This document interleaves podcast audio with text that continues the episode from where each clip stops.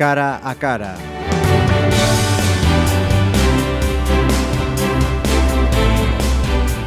Saúdos, eh, benvidos a esta edición especial eh, dos eh, cara a cara Especial porque a máis eh, de engadir estas semana un día máis, temos un convidado especial. Señor alcalde don Miguel Anxo Fernández, está con nos tamén eh, o noso compañeiro Alex Espiño, que habitualmente eh, que encubre a información eh, municipal. Pois eh, comeza ti, entón, eh, se si te parece que eres que... Sí, bueno, a primeira pregunta case obrigada, cera acaba de cumprir este primeiro ano do quinto mandato de Lores e do Benega aquí en Pontevedra, que balance fai deste, deste primeiro ano?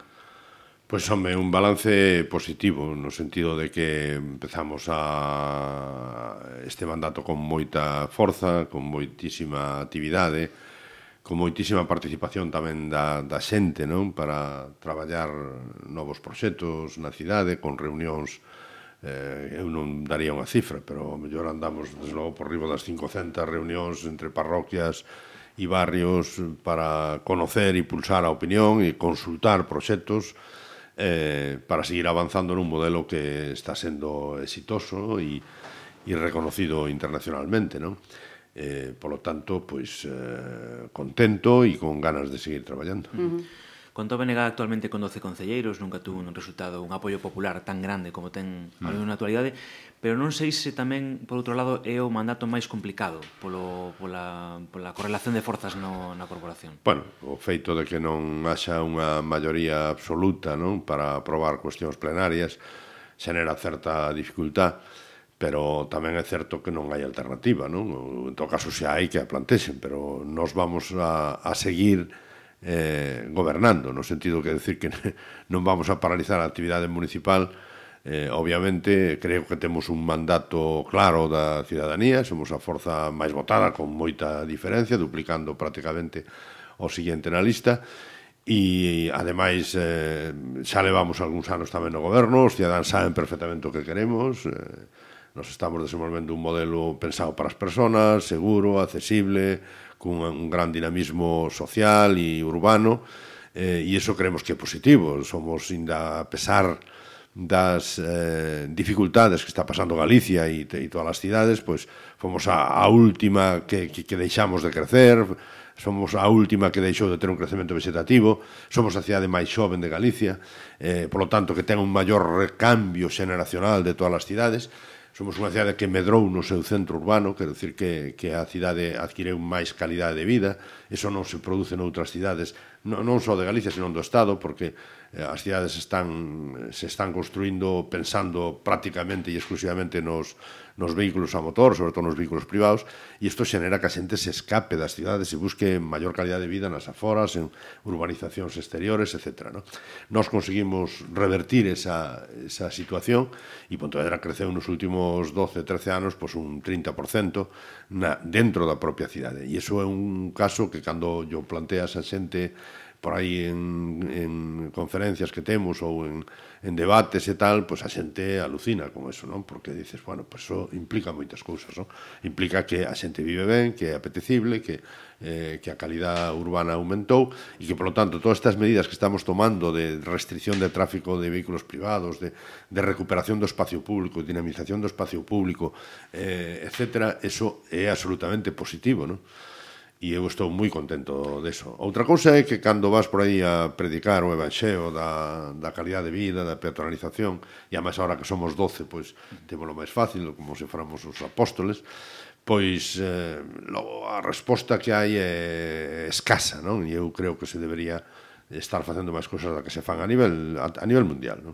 En relación á pregunta que que facía eh Alex, eh, vostede acaba de, designar que non hai alternativa. Eso significa que non, non hai em, posibilidade ou non, ven, eh, ou non pensan en un posible pacto, acordo con alguna forza para sacar adiante algún uh, proxecto ver, eh, no que teñan interés en que A ver, vamos a ver, nós nós sempre estamos dispostos a negociar e a patar en favor dos intereses de da cidade de Pontevedra eh puntualmente desde logo e incluso non desbotamos a posibilidade de facelo para, para darlle unha maior estabilidade ao goberno. O que pasa é que as diferencias son tan notorias, son tan, tan, tan diverxentes, non? Que, que, que non tería sentido, non? É dicir, que hai temas que para nós son absolutamente fundamentales e é desenvolver un modelo urbano seguro, accesible para todos, democrático, etc. Bien. E resulta que están empeñados en que temos que levantar todas as medidas de calmado de tráfico, que ir á línea de flotación, a línea de flotación deste, deste modelo urbano que, además, eu creo que é asumido mayoritariamente e cada vez máis. Eu creo que a oposición non se molesta en preguntar, non? Debe escoitarlle aos seus, algúns que, que están bueno, pues, cabreados ou que están eh, en fin, obsesionados desde o punto de vista partidario, non? Porque a miña experiencia na rúa é que todo o mundo está encantado. Os nenos están encantados, as persoas con discapacidade están encantadas, as persoas de idade tamén e, e o demais son unha especie de, de, de, de mantras ou de, de, de lendas eh, urbanas que andan por aí, dicen, oh, no se pode entrar en la ciudad. Dixo, oiga, usted que me está dicindo? Pero usted está falando en serio? Dixo, pero se nunca se pode entrar tan ben en Pontevedra. Cando necesitas entrar, entras. E andando en coche, en, en, en, en, en taxi, como te dé la gana. Ademais, co, con, con un incremento da velocidade media na cidade clarísimo, porque antes eh, a xente non se acorda, ten unha memoria selectiva, non? pero isto era un atasco permanente que non se podía entrar a partir das 9 da mañan hasta as 9 da noite era imposible, andaba un pouco a mediodía, pero non se podía entrar na cidade, era todo un almacén de coches con ruidos espantosos, con unha calidad urbana eh, horrorosa, claro, hai que ser un pouco obxectivo, non? Polo tanto, van en contra desa línea de flotación, van contra a línea de flotación do tema da compostaxe, que a mí me resulta absolutamente eh, es que eh, se si non fora serio isto daría risa, non? Porque dice, oiga, mire, estamos intentando recuperar a materia orgánica, que ademais non é só un capricho, senón que hai que facelo a larga, ten, vai ter que facer todo o mundo, porque é un problema razón de, de raciocinio e de, de abaretamento de custos, etcétera, etcétera bueno, pues sempre poñendo pegas pa unha roda, triquillada, o sea, trapalladas. Uh -huh. Entón, mm, non, non aproban os orzamentos, pero non teñen uns orzamentos alternativos, non? Porque non, non votaron ni entre sí as enmendas que presentaban cada unha, que eran absolutamente dispares, non? Logo dicen, bueno, o, o, o plan de urbanismo. Dice, oiga, mire usted, o plan de urbanismo, o, o Concello ten un plan de urbanismo. Un plan de urbanismo que, ademais, eu votei en contra no seu día por, por unhas cuestións que están xa prácticamente executadas. Bueno, a primeira era o tema de Ence, que non queríamos que fora industrial, a segunda era o tema de, de, de unha mm, excesiva edificabilidade, especialmente na barreira de, de Beiramar. Eh, eh, bueno, pois, pues, hai máis cousas, non? Pero todo o malo que tiña ese planeamento está executado, non ten volta para atrás. E o positivo, que é que son as unidades de actuación, que onde xa se, recu se recupera máis espacio público, se buscan equipamentos, van cousas, eso estamos executando. De todas maneiras, estamos executando un modelo urbano con un planeamento que non foi aprobado para ese modelo urbano, pero que é perfectamente... Quer decir, que o planeamento non é tan importante como dice. E por outra banda, hai un volumen de, de edificabilidade na propia cidade e no rural que non vamos a poder executar nun plazo de 10, 15, 20 anos. Non o vamos a executar. E o planeamento que se que se, que se queira aprobar e está aí, porque ademais hai unha mentira, e é que nós temos un planeamento aprobado por todos os grupos con aportacións de, de todos os sectores sociais e que se levou por acordo á Xunta de Galicia con, que están as fotos, están os caixóns de documentación e resulta que ten uns informes tan contundentemente negativos e a, a súa aprobación con eses informes sería tan negativa e tan, tan restrictiva eh? e ademais que nos obligaría a facer unhas cousas que non queremos facer, que creemos que é mellor deixalo hasta que a situación política ou, ou uh, cambie, non? E neste momento que ninguén diga, no, es que non temos, no, no, oiga, mire usted, nós temos vivenda, o sea, temos parcelas municipais a disposición dos promotores que as podemos vender por cachos enteiras como como lle dé a gana. Eu quero 20 vivendas, pois hai unha parcela para 20. Quero 50, para 50. Temos terreno destinado á hostelería. Temos Ahora, todos o, o, o que planificamos de polígonos industriais nos votaron en contra de todos. Nos tumbaron 3 millóns de metros cuadrados de polígonos industriais, incluído un porto seco. Dixo, bueno, é que o novo plan que queren facer estos señor, vai ser distinto. Se vai ser o mismo, para que vamos a presentar outra vez o mismo para que veña de volta. Es que, de verdad, que é unha especie de, de, de día da marmota que non teñen... O sea, están engañando a xente, porque están dicindo que non hai plan urbanismo, non se pode construir en rural. Dixo, non, é que se si aprobamos un novo plan de urbanismo, se vai a reducir a edificabilidade rural. E iso saben ustedes, estánlle mentindo a xente. Incluso vai a reducir a edificabilidade directa na cidade. E, vai, e a partir de ahora vai ser todo con polígonos. Unha edificabilidade máxima de un metro cuadrado que en casos de, de moitas cargas sociais ou públicas pode chegar a 1,5 e, polo tanto, sempre vai haber menos edificabilidade que a que temos. Polo tanto, de que estamos falando? Entón, como non hai acordo en ese tipo de cuestións, eu vexo moi difícil. Pero eu sí que teño moi claro que a, a cidadanía votou unha opción moi clara, non? E nos dou a maioría suficiente para gobernar e vamos a exercer a, o goberno, eso que lle quede claro a todos. Nós non vamos a parar de seguir avanzando eh, esta, que esta cidade siga avanzando. Non? Uh -huh. Precisamente cando se fala de planeamento, a oposición sempre di que o modelo de cidade está esgotado. Ainda quedan cousas por facer. Pero si isto non sabe, mira, cando, eh, de verdad, eh, cando falan de, non saben o que, Por non, a veces preguntan, ese é es el modelo, ese é el modelo, pero oiga, eh, o sea, unha frivolización das cousas dunha maneira tan, tan, tan, tan frívola e tan pouco seria, tan pouco profunda, non?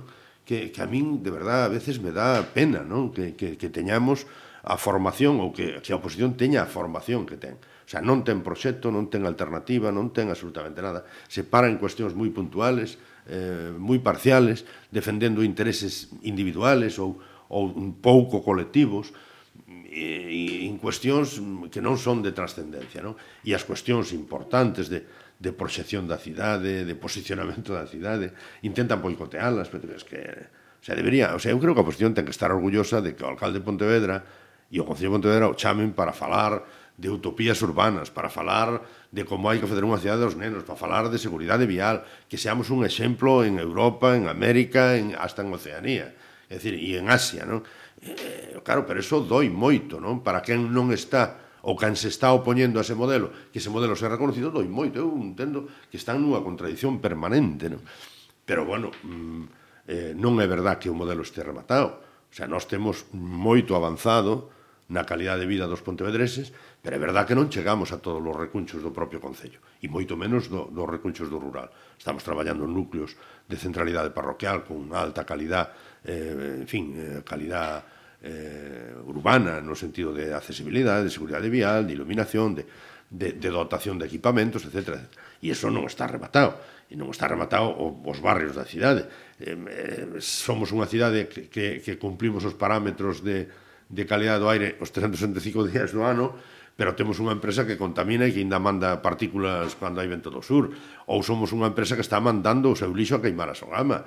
Eh, eso hai que cambiálo e, polo tanto, estamos traballando noutra, noutra cousa. E logo despois estamos, creemos que o tema do turismo, de, de ser unha gran cidade de servicios, eh, un centro urbano atractivo, como un gran centro comercial urbano, o tema de capital shopping, o tema de, de, de potenciar tamén, eh, en fin, terras de Pontevedra e, e de, e de avanzar, digamos, na xeneración de emprego e actividade económica alrededor do sector turismo eh, hai un marxen grande aí de crecemento, porque, desde logo, toda a xente que ven a Pontevedra, que conoce a Pontevedra, porque ven a facer turismo solo, porque ven a eventos deportivos de alta competición, porque, porque lle cadrou, porque ven a congresos, que dá, eh, como dirían os portugueses, espantada, fica espantada, e en Portugal, obviamente, quere decir asombrada, asombrada, sorprendida, eh, pero favorablemente, de, de, desta cidade. Eu onte estaba, estábamos visitando unha empresa de aquí, Marfrío, que é unha empresa moi punteira, que está traballando, internacionalizándose moito, e vendendo moito, e, e xenerando moita actividade económica, que está no, no porto de Marín, e, e que, e que os seus dirixentes traen a moita xente a Pontevedra, pero efectivamente dice, oiga, es que non hai color, a xente alucina, é a gran desconocida, e, E, e desde logo o tema de Ence pois, nos está generando un problema de rexeitamento, polo menos físico exterior, de alguma maneira, e nos está imposibilitando seguir avanzando. Non? Antes de, de falar de Ence, decía que aínda quedan cousas por facer nese modelo de cidade. Unha das cousas eh, sería ese plan de compostaxe, no que están sí. incidindo moito neste mandato. Sí, claro. Eh, sí, o que pasa é que como eh, bueno, no, eu creo que desafortunadamente eh, nós cada vez que facemos damos un paso adiante en, en innovando ou mellorando a calidade de vida da xente, topámonos que non temos exemplos, é que o problema é a dificultade de porque si sí hai experiencias moi puntuales, moi parciales, moi igual que na na seguridade vial ou igual que na accesibilidade, son eh, nós, nós estamos desenvolvendo un proxecto chamamos de un proxecto holístico que atende, digamos, a todas as facetas da vida municipal E experiencias deste tipo, pois non as hai, temos que ir dando non paus de cego, copiando de todo o mundo as experiencias positivas e, e rexeitando as negativas, pero nós queremos que, que toda a materia orgánica, sexa no rural, nos barrios e no urbanos, acabe, non toda, un 90%, desa materia orgánica acabe sendo recuperada e utilizada para emendar solos, para, para enriquecer xardíns ou para para, para, produ para a produción do sector primario ou para o que sea. Pero non ten sentido que contaminemos máis o aire eliminando unha materia orgánica que pode ser aproveitada. Eh, eh estamos traballando e, e, e en colaboración coa Diputación, que a Diputación tamén pues, eh, contratou a, probablemente a persona que máis sabe de compostaxe no Estado español, e estamos elaborando un proxecto propio, porque... Eh, Esa é a diferencia de Pontevedra. O noso proxecto eh, é noso, nós non queremos darlle clases a nadie, nós decimos, oiga, mire, nós aprendemos, pero nós queremos elaborar un proxecto específico para Pontevedra. Logo, cada un que faga o que teña. Nós miramos que sea para Pontevedra. Entón, xa chegamos á conclusión de que o mellor para a materia orgánica é que non chega ao circuito de recollida de lixo, que se aproveite in situ. Por lo tanto, a nivel eh, rural, vamos a facer composteiros individuales eh, vivenda por vivenda, enseñarlle, eh, que eu creo que a xente xa o sabe, porque aquí en Galicia todos fixemos compostaxe, ou todos fixemos medas na casa, ou todos fixemos cousas, saben facelo, se o podemos facer de, de mellor maneira, mellor. A nivel dos barrios, nos sitios onde sea posible, hai unha colaboración ciudadana alta, pois facer composteiros comunitarios, que tamén vamos a poñer en funcionamento, e logo teremos que cambiar o sistema de recollida, poñer un, unha recollida específica para orgánicos, que teremos que tratar nunha planta específica tamén. Pero que sabemos perfectamente que para que eso funcione ten que haber unha eh, participación activa de colaboración e de, e de entendimento de todo o sistema por parte dos, do, dos veciños e das veciñas, non? E, e non estamos convencidos que vai a ser así, porque cada vez que presentas un proxecto e o explicas ben, eh, os cidadãos de Pontevedra responden absolutamente increíble, non? Como responden. Eu estou convencido que van a responder. Eh, bueno, mm, pois aí estamos traballando, non? Eu espero que neste mandato, mm, eh, daqui a, estamos no 2016, Eh, en fin, entre finais de 2016 e primeiros de 2017 temos xa moito avanzado e pois, se podemos poñer a planta de tratamento da canicouba pois, no, a finais do 17, primeiros do 18 bueno, que, que desde logo para final de mandato este perfectamente funcionando este tema que ademais é un tema pioneiro e é un tema que vai a ser positivo porque date conta que nos pagamos do orden de 2 millóns de euros anuales polo tratamento e o desplazamento do lixo a Sogama e o seu tratamento entre comillas, eh? Si conseguimos que en vez de ser 2 millóns sea un millón porque mandamos a mitad ou menos da mitad ou, eh, e polo tanto gastamos só 2 millóns en, en incinerar con Sogama, bueno, pues temos un millón anual, que son moitos cartos, eh? 166 millóns das antigas pesetas que nos poden xenerar a actividade económica aquí, poden xenerar emprego tamén aquí, eh, estamos aforrando cartos, estamos mellorando o medio ambiente e, e polo tanto, estamos avanzando, non? Avanzando nun proxecto global eh, donde, bueno, pois pues a calidade e, a, e, e o medio é absolutamente fundamental, non? O sea, os pasos que se teñen dado aquí son eh, son espectaculares. Tú cando lle dices vas a unha ciudad e dices, "Oiga, mira, es que non reducimos o tráfico no centro da ciudad, no, no centro da ciudad unha media dun 70, no, no, no, no, digamos, na parte máis máis máis central, no downtown, que se chama eso, town, eso o 90%. E lle das datos, e dice, oiga, a calle Michelena tiña 14.000 vehículos e agora ten 400, ou, me dá igual, ou, ou 1.400, me dá igual, estamos falando dun 90%. Uh -huh eh, a Plaza de España tiña 28.000 ou 26.000 vehículos e agora ten, pois igual, mil e pico. A, a Daniel de la Sota e, e Fray Juan de, na, de Navarrete ou eh, a Plaza de Compostela, pois, pues, so tiña 28.000 vehículos, que era a Estrada Nacional, que 550, que une Coruña con, con Vigo, e, e agora é unha horta urbana e un espacio de convivencia. Claro, dices, oiga, e eso eran coches que pitaban, que emitían gases, que contaminaban, Nos calculamos media tonelada por habitante ano que deixamos de emitir a atmósfera de CO2. Esas son cifras que cando vas a falar aí falan de hai que reducir el carbono un 10%, reducir el carbono un 5%, que 5, non 70, tío. Pero non é por chulería, porque é así, non? Entón, eh, ves como, oiga, hoxe non poden circular, porque a xente que se quede en casa, pero non só Madrid, Barcelona, é que, é que Oviedo, é que Gijón, é que outras cidades pequenas teñen ese problema, igual que nos accidentes de tráfico os mortos de accidente, non? Es que como en Vigo hai moitos porque é moi grande, sí, pero en Vila García hai menos e, e hai máis que en Pontevedra é máis pequena, e dixo, se non é un problema de tamaño, é un problema de, de plantearte as cousas de forma distinta. E hai un tema fundamental que eu sempre trato de... Eh, o, o resumen final da, da, da nosa charla que damos é que fomos capaces de demostrar que os vehículos que son necesarios para que funcione unha ciudad son poucos. Os necesarios, imprescindibles os que van aos seus garaxes, os de carga-descarga, o, o taxi, o transporte público, o que fai un recado de peso que leva unha persona con discapacidade. Son moi poucos vínculos e son perfectamente compatibles cunha alta calidade urbana, cunha alta seguridade vial, con que os nenos vayan andando ao cole, con que os nenos xan nas plazas. Oiga, eso está demostrado, eso demostrámoslo. Hai moitas cousas demostradas, pero eso non estaba demostrado hasta que o fixo Pontevedra. Veña, ánimo, poñervos a facelo.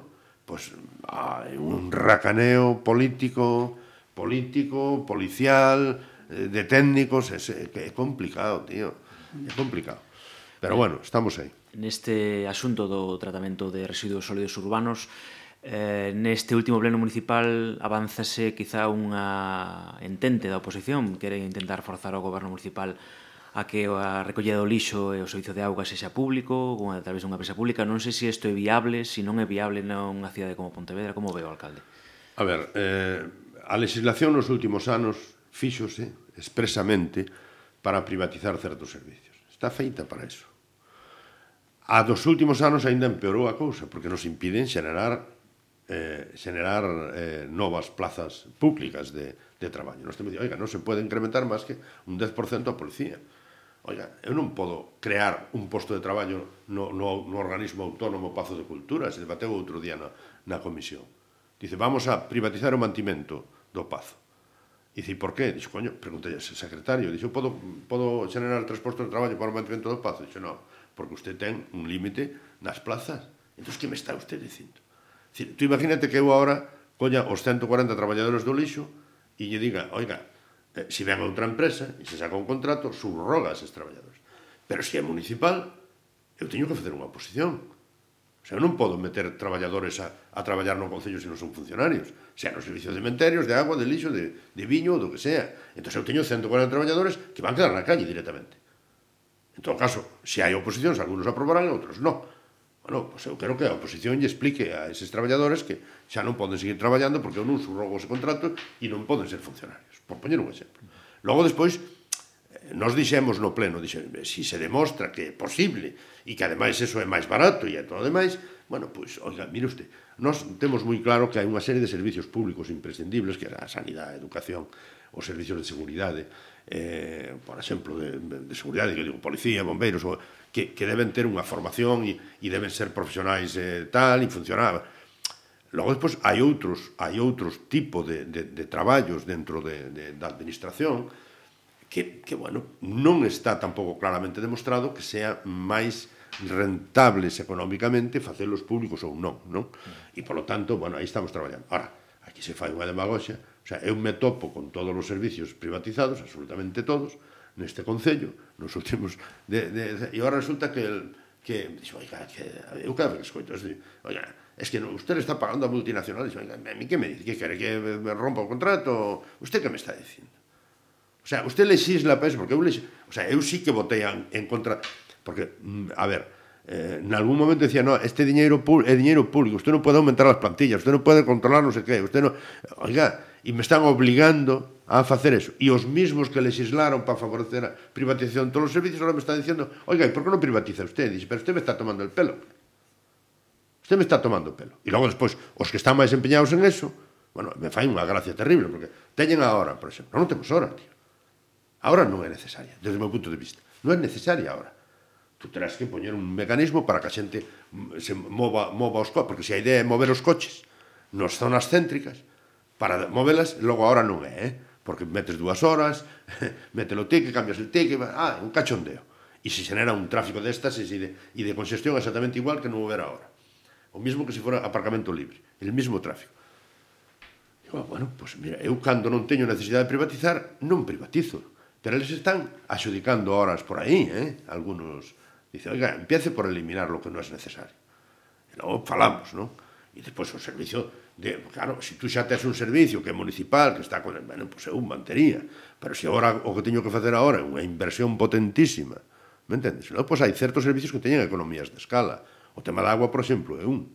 Eu podo dispoñer de material para o servicio de aguas porque teño unha empresa que traballa nos concellos de arredor e que logo ten un coche bomba que igual está aquí que está allá, que se eu teño que comprarlo para concello solo, vamos a ver como repercute eso no recibo do, do funcionario. Entendes? Que decir que ou no recibo do funcionario, no recibo do, do cidadano. Entón, hai cousas que funcionan por economía de escala, xente que se dedica especializadamente a eso. O sea, tú tens que ter un staff técnico eh, eh, e administrativo importantísimo para facer un, un control dun servicio deste tipo que hai xente que se dedica especialmente a eso. E iso está pasando en todas as cousas. Yo me especializo na membrana del hematí. E me hostia, dixo un médico que está especializado na membrana do hematí, non está especializado no glóbulo roxo solo, ni no blanco, ni... No, é na membrana non están no citoplasma nin na... Dixo, cada vez hai máis especialización e a xente sabe facer mellor as cousas. E, polo tanto, bueno, vamos a ver que é o que é mellor. Pero por norma, no, no, venga, usted tiene que... Dixo, por norma non é mellor todo o público respecto do privado, non o é. É dicir, un, eh, vos sodes un medio privado. O sea, facedes peor información que un, que un, que un medio público. Dixo, ou, eu que sei, hai que velo. O sea, eu creo que nesta economía, que estamos nunha economía de libre mercado, oiga, mire usted, pois pues, pues a veces eh, nos, nos, nos contamos algunha vez, botamos contas algunha vez. No tema de sardins, por exemplo. Mm. Damos contas e salía o metro cuadrado de, de, de, de, de xardín salía catro veces máis caro eh, o, que, o que estaban facendo os, o, o, o servicio eh, municipal do que pode facer unha empresa de outro tipo.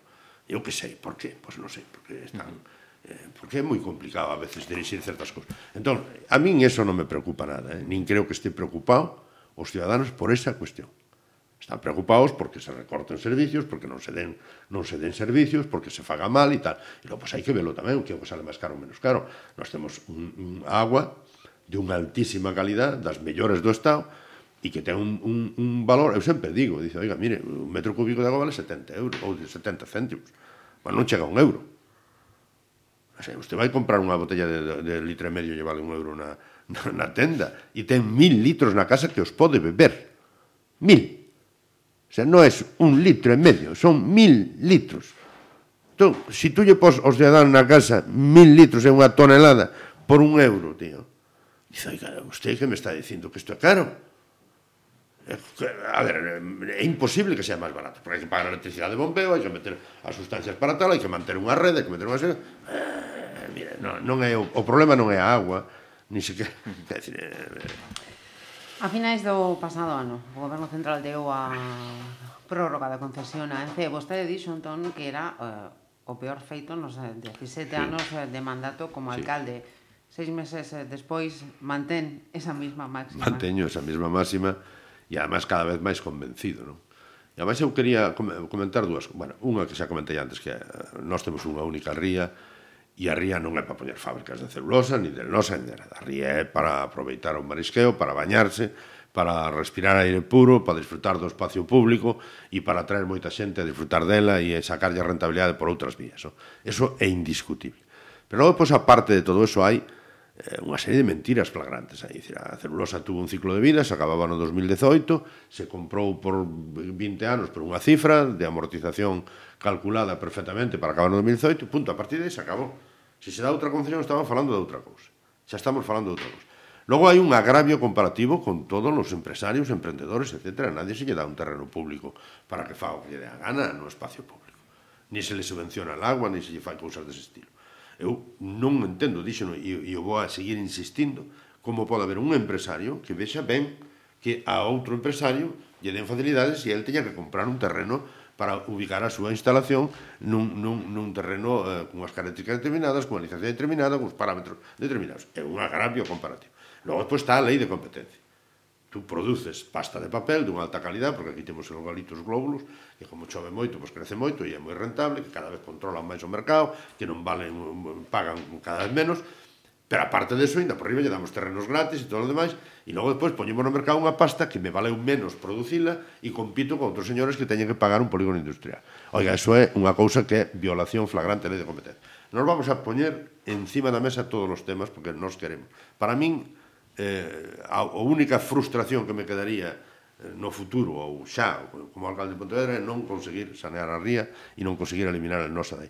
Eh, cando digo sanear a ría e a, e a nosa celulosa es que é o mismo. O sea, a maior parte da contaminación que se produce eh, na, na ría e que non podemos resolvela desde os concellos é el nosa e celulosa.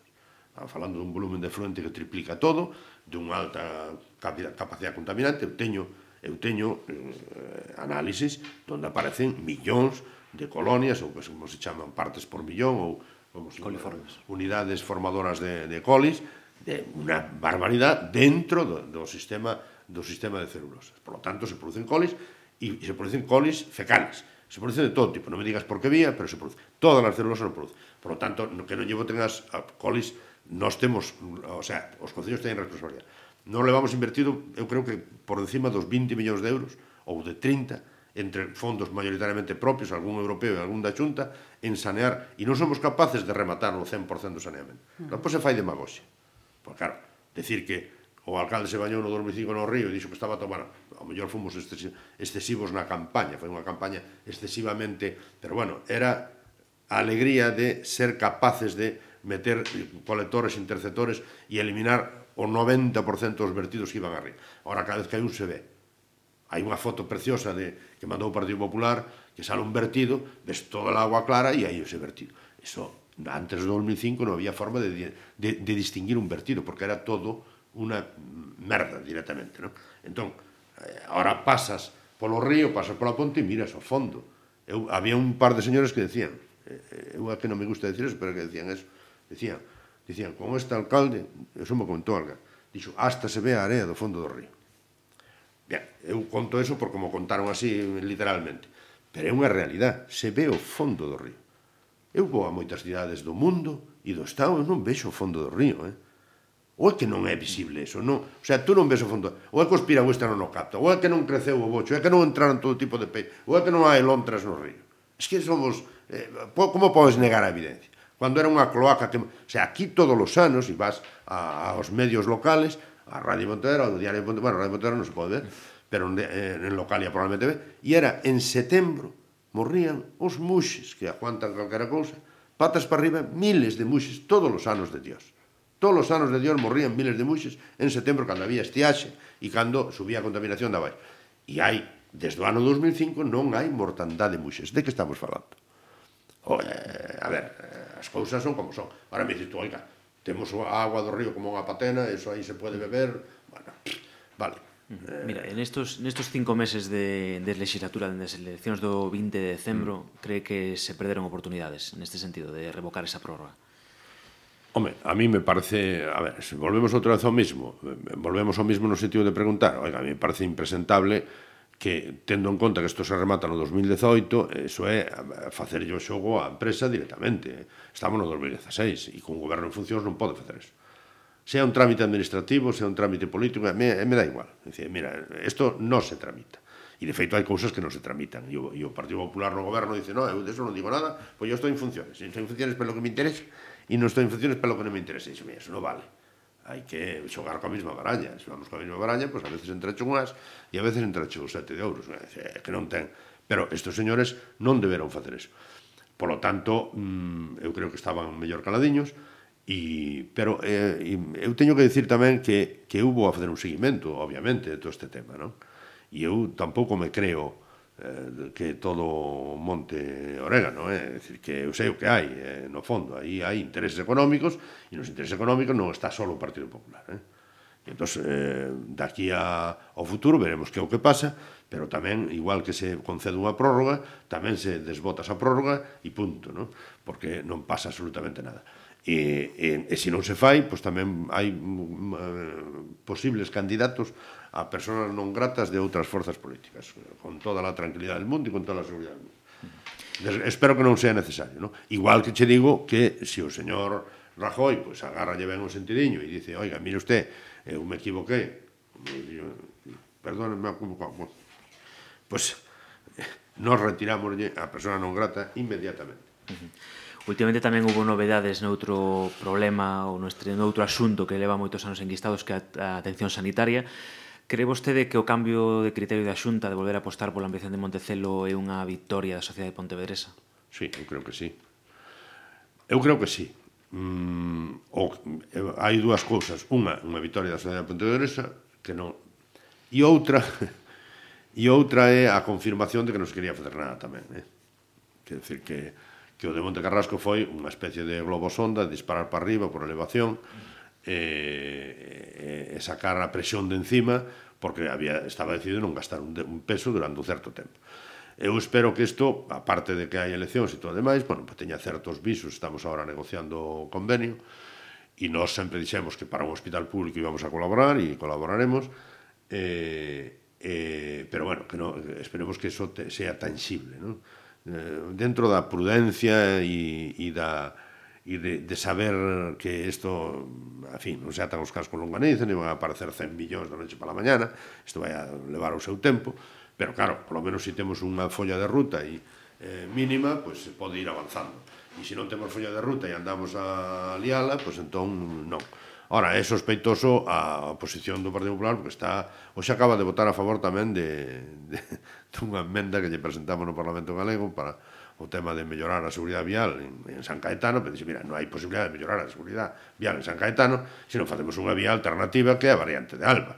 Eh, eso entende todo o mundo. A partir de que teñas unha variante de Alba, tú podes poñer carril de dirección única, podes poñer carril bici, carril Maserati, podes poñer o que che dé a gana. Pero, mentres tanto, xa podes facer o que dá gana, porque na ponte de San Caetano non pasan dous coches e máis unha persona, polo tanto, é imposible facer unha ciclovía Eh, entendes? Entón, pero bueno, eh, aceptaron a enmenda, e bueno, pois pues, quer decir que van a estudiar ou facer a variante de Alba ou non, pero bueno, eh, polo menos entón aceptan tamén darlle usos públicos ao edificio da Xunta e va, isto é unha repañota isto é, eh, é unha eh, eu xa visto así pues, debería haber eleccións cada 15 días porque igual pues, a xente máis sensible entre comillas O sitúa entón como compromisos eh, electorais ou haberá no. finalmente esos eh, proxectos do, do edificio ver, administrativo Benito Corval, xulgados eu simplemente no? fago notar que hai máis receptividade, sospeitosamente en época electoral.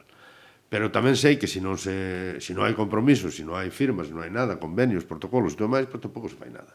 Por lo tanto, eu espero que algún destes protocolos, compromisos e convenios pois se cumplan no futuro, máis tarde ou máis cedo, vale? Eh, e en este sentido creo que se, se ten avanzado un pouco, non? Mm. Esa sintonía sí que hai coa, coa nova deputación, non? É dicir, que, en que mellorou Pontevedra con este cambio de goberno? Bueno, a ver, eu sempre digo que tiñamos un entente máis razonable que coa xunta, coa diputación anterior, eso é indiscutible, non? Ahora, era un entente máis, eh, digamos, menos previsible, no sentido, menos previsible, eh? menos previsible porque porque, bueno, dependía tamén do humor do presidente, se estaba pola labor, se o collía de boa, se iba tal. Bueno, ahora polo menos sabemos que vai haber unha cantidade mínima ou razonable para todos os concellos, incluído de Pontevedra, e ademais sabemos que nós decidimos en que o metemos. E iso é un avance absolutamente trascendental, porque de alguma maneira implica que quen está desenvolvendo o modelo urbano e sabe as necesidades do Concello é o propio Concello e ademais é o quen, quen, quen foi votado ou elexido. A Diputación fai unha aportación, colabora, etc. Pero hai unha regra de xogo máis claras e transparentes. Non? Eu non entendo como se pode criticar ou que se pode querer volver a, a época na que había en fin, unhas prebendas para arriba, para baixo e que se traballaba según o color eh, non no 100%, eh, que tamén somos conscientes de que non era o 100%, que había tamén unha regra de xogo polo menos dun 70 ou 80% se facían a, según a regra de xogo que ten que ver co, con, con algo de, de, de, de democracia, de número de habitantes, de... pero había un porcentaxe altísimo de discrecionalidade que neste momento non é necesario e, sobre todo, colaboración e entendemento e, e traballar en conxunto, non? Por exemplo, neste Campeonato de Europa de Triatlón, que é unha inversión moi importante para o Concello de Pontevedra, estamos falando, para mellor, cerca de, dos 200.000 euros, o mellor, de inversión para poder celebrar un Campeonato de Europa aquí, que ama nos abra as portas a celebrar o mellor un Campeonato do Mundo no 2022 ou de cando sea, e eso nos posiciona internacionalmente e trae moita actividade económica, bueno, eh, pois pues, eh, a Xunta prácticamente non pon nada porque dice que non tiene, que en parte razón, eh, ten razón, pero para unhas cousas e para outras non. E a Diputación se vai a mollar máis, vamos a fazer un, un convenio eh, dunha cifra importante, porque non só eso é positivo para Pontevedra, hai moita xente que ven a ese campeonato, que vai a San Sancho, que vai a Pollo, que vai a Marino, que vai a Vigo, incluso, non? Eh, e iso posiciona a provincia, a Rías Baixas, e a Diputación vai colaborar aí, como debe ser. Antes era imposible. Tiñan a decisión política tomada, de que eles facían eventos deportivos, pero non colaboraban co Concello en ningún evento deportivo. Dixo, eso non ten ni pele cabeza. Ahora mismo creo que estamos avanzando moito tamén en outras traballos de conxunto respecto á promoción turística, etc. etc. Uh -huh. Vale? Miramos ao futuro. Haberá cartera electoral con Lores 2019? Dios mío, pero eso... A ver, esas cousas hai que, hai que facelas con vista. Por exemplo, temos, o, temos catro campeonatos do mundo no 2019 de, de baloncesto, de, de, de baloncesto junior, y despois de, de, de triatlón cross, de acuatlón e de, y de triatlón de longa distancia, de, perdón, de, de duatlón. E hai que facelo con, con antelación, eso, inevitablemente, independentemente de quen goberne, porque é así. O campeonato, por exemplo, de, de, de baloncesto vai ser despois da selección.